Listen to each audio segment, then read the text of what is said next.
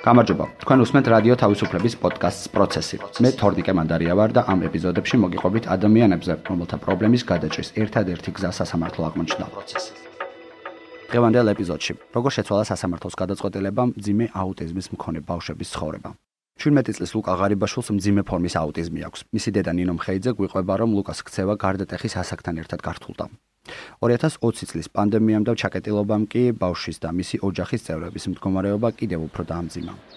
ცევითი პრობლემები წამოვიდა გარდატეხის ასაკთან ერთად. ცევასთან ერთად ცოტა აგრესია. თქვათ იქ რაღაც ჭურჭელი გატეხა, რაღაც მაგი დაამოატრიალა და ამაზე რეაქცია ვერ მიიღო. უბრალოდ ალბათ პირველად შემთხვევით მისწვდა თავის დას და უცებ დაიჭირა ჩემი რეაქცია და ოჯახის რეაქცია, რომ აი ამით შეიძლებოდა რომ სასურველი მიიღო იმ მომენტში. და მე ეს გახდა ჩვეულებრივ ჩვენი ტერორის ასე ვთქვათ საშუალება. უკა გარიცხეს დღის ცენტრიდანაც, სადაც ყოველდღე დადიოდა და მიჩოული იყო ამ რუტინას.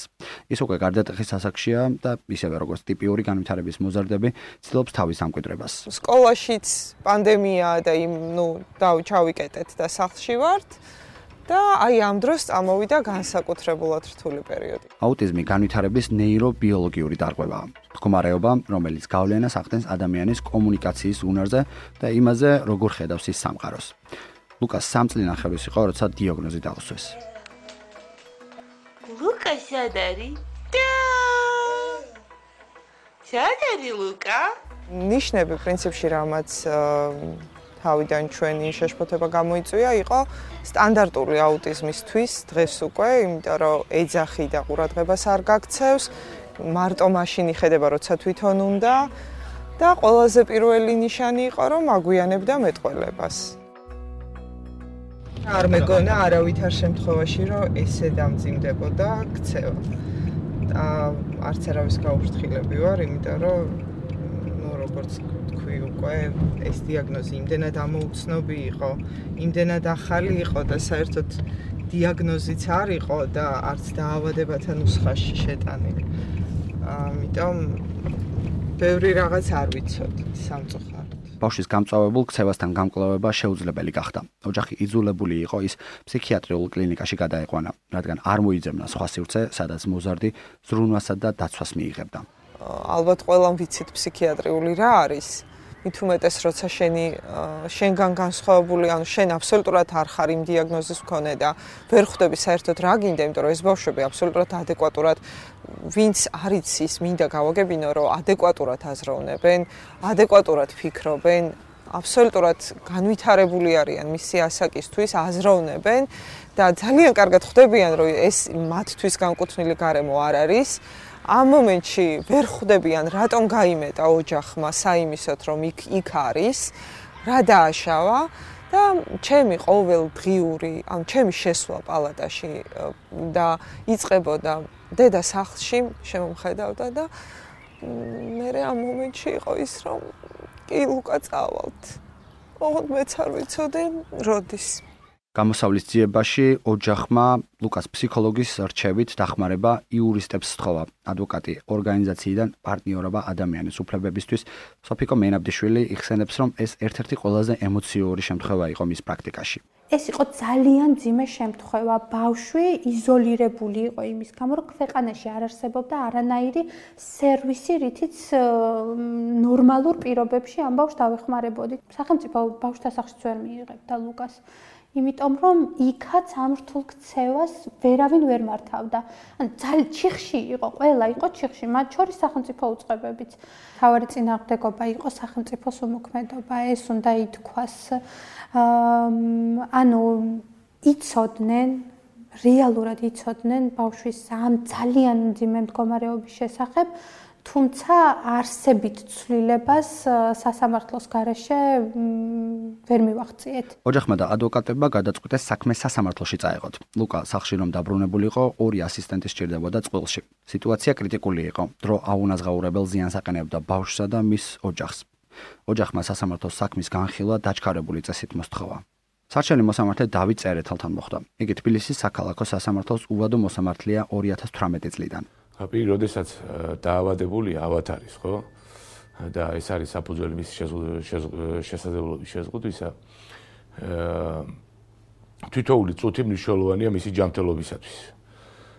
მან შეიძლება სპეციალური საჭირო ზრუნვის გარეშე მათ შორის საკუთარ თავს მიაყენოს ზიანი, გარშემო პირებს მიაყენოს ზიანი. საქართველოს არის შეზღუდული შესაძლებლობის მქონე პირთა კონვენციის მონაწილე.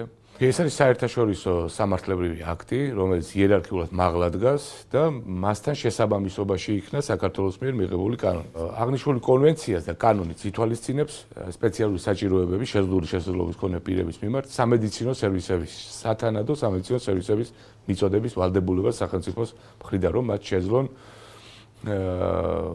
ღირსეული ცხოვრება, ხო? ასევე მონაწილე ვართ ბავშვის უფლებათა დაცვის კონვენცია არსებობს. და აი კონვენცია პირდაპირ აღიარებს რომ ბავშვის აღზრდა ოჯახურ გარემოში ეს არის ბავშვის საუკეთესო ინტერესი. რატომ? იმიტომ რომ ბიოლოგიური კავშირი მის მშობლებთან ბავშვის განვითარების საუკეთესო ასე ვთქვათ ფორმა არის. მოსამართლე დავით წერეთელმა სარშელის შესვლიდან ორ დღეში განაჩენი გამოეცხადა და ადვოკატების ყველა მოთხოვნა დააკმაყოფილა მოსამართლესთვის ცხადი იყო, რომ უნდა შეცვლილიყო რთული ქცევის ბავშვებისთვის ძვირი სერვისის ხელმისაწვდომობა და ეს იქნებოდა არა მხოლოდ ლუკას და მისი მშობლების, არამედ ათობით მსგავს სიტუაციაში მყოფი ოჯახების დახმარებაც. აუტისტურ სპექტრის პირებს ჭირდებათ სპეციალური წოდნის და განსაკუთრებული ღონისძიებების ერთობლიობა, რათა მოხდეს მისი ქცევების ადაპტაცია საზოგადოებაში და ასე შემდეგ. აი ამაზე სახელმწიფო იღებს თო სპეციალური რეგულაციის ასე ვთქვათ ღონისძიებებს გულისხმობს და სწორედ ამიტომ არის სახელმწიფო პასუხისგებელი აი ამაზე. განაჩენის გამოცხადებიდან ლუკას სახლში დაბრუნებამდე კიდევ ერთ თვეზე მეტი გავიდა, სანამ პროგრამა შეიცვალა და ასისტენტებიც მოიძებნა. არქივში, რომელიც ოჯახმა გადმოგცა, მოისმენთ ლუკას სახლში დაბრუნების ემოციებს. საერთოდ დე? სახლში? ვინ არის სახში მარიამი? მარიამი, მაინა ბებო არის სახში. კი, სეპიროაცია ვერიცნო. სათითა ოჯახის წევრისთვის ეს იყო ხელახლა დაბადება ალბათ. სასამართლო გადაწყვეტილებამ შექმნა ჩვენ ცხოვრებაში ახალი საფეხური, სადაც ლუკას მიეცა მშვიდად შვიდ გარემოში მის ოჯახში ცხოვრების საშუალება. ახლა ლუკას ეზოში თამაში და მაღაზიაში შესვლაც შეუძლია. მას ყოველთვის თან ახლავს ორი ასისტენტი 12 საათის განმავლობაში. მიშა და სანდრო ლუკას ხებთან ურთიერთობაში ეხმარებიან. ლუკამ ამ საქმით ძალიან დიდი შესაძლებლობა მისცა სხვა ბავშვებს, ანალოგიური პრობლემის მქონე ბავშვებს რომლებსაც დღეს უკვე დანიშნული ყავთ ასისტენტები და ამ პროგრამით არაერთი ბავშვი სარგებლობს. ამ საქმით შევძელით სისტემური ცვლილების მიღება და ეს არის ძალიან განსაკუთრებული და ძალიან მნიშვნელოვანი ამ საქმეში.